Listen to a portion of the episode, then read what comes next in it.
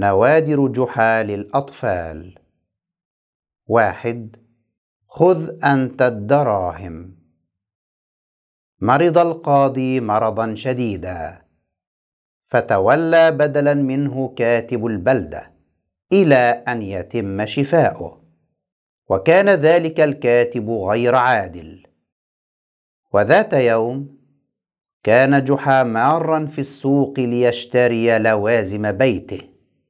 فجاء رجل من خلفه وصفعه على قفاه صفعة شديدة ساخرا منه.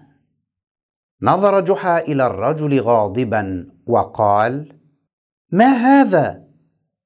قال الرجل عفوا يا سيدي ظننتك أحد اصدقائي الذين أرفع الكلفة بيني وبينهم. فلم يتركه جحا وساقه إلى دار القضاء. واتفق أن الرجل كان من أصدقاء الكاتب فلم يأبه أو يخش شيئا. بينما أخذ جحا يصف للكاتب ما حدث. ولما سمع الكاتب دعواهما حكم على جحا بأن يصفع الرجل كما صفعه. فلم يرض جحا بذلك.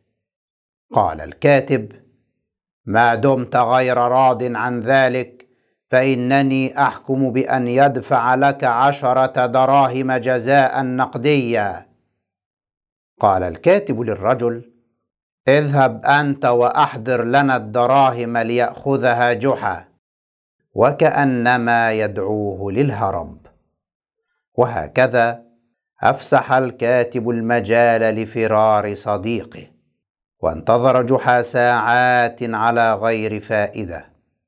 نظر جحا إلى الكاتب فرآه مشغولا في أوراقه فتقدم حتى اقترب منه وصفع جحا الكاتب صفعة قوية دوى لها المكان.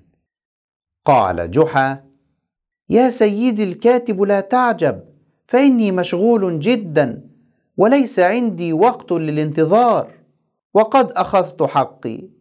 وعليك أن تأخذ أنت الدراهم متى يأتي الرجل بها؟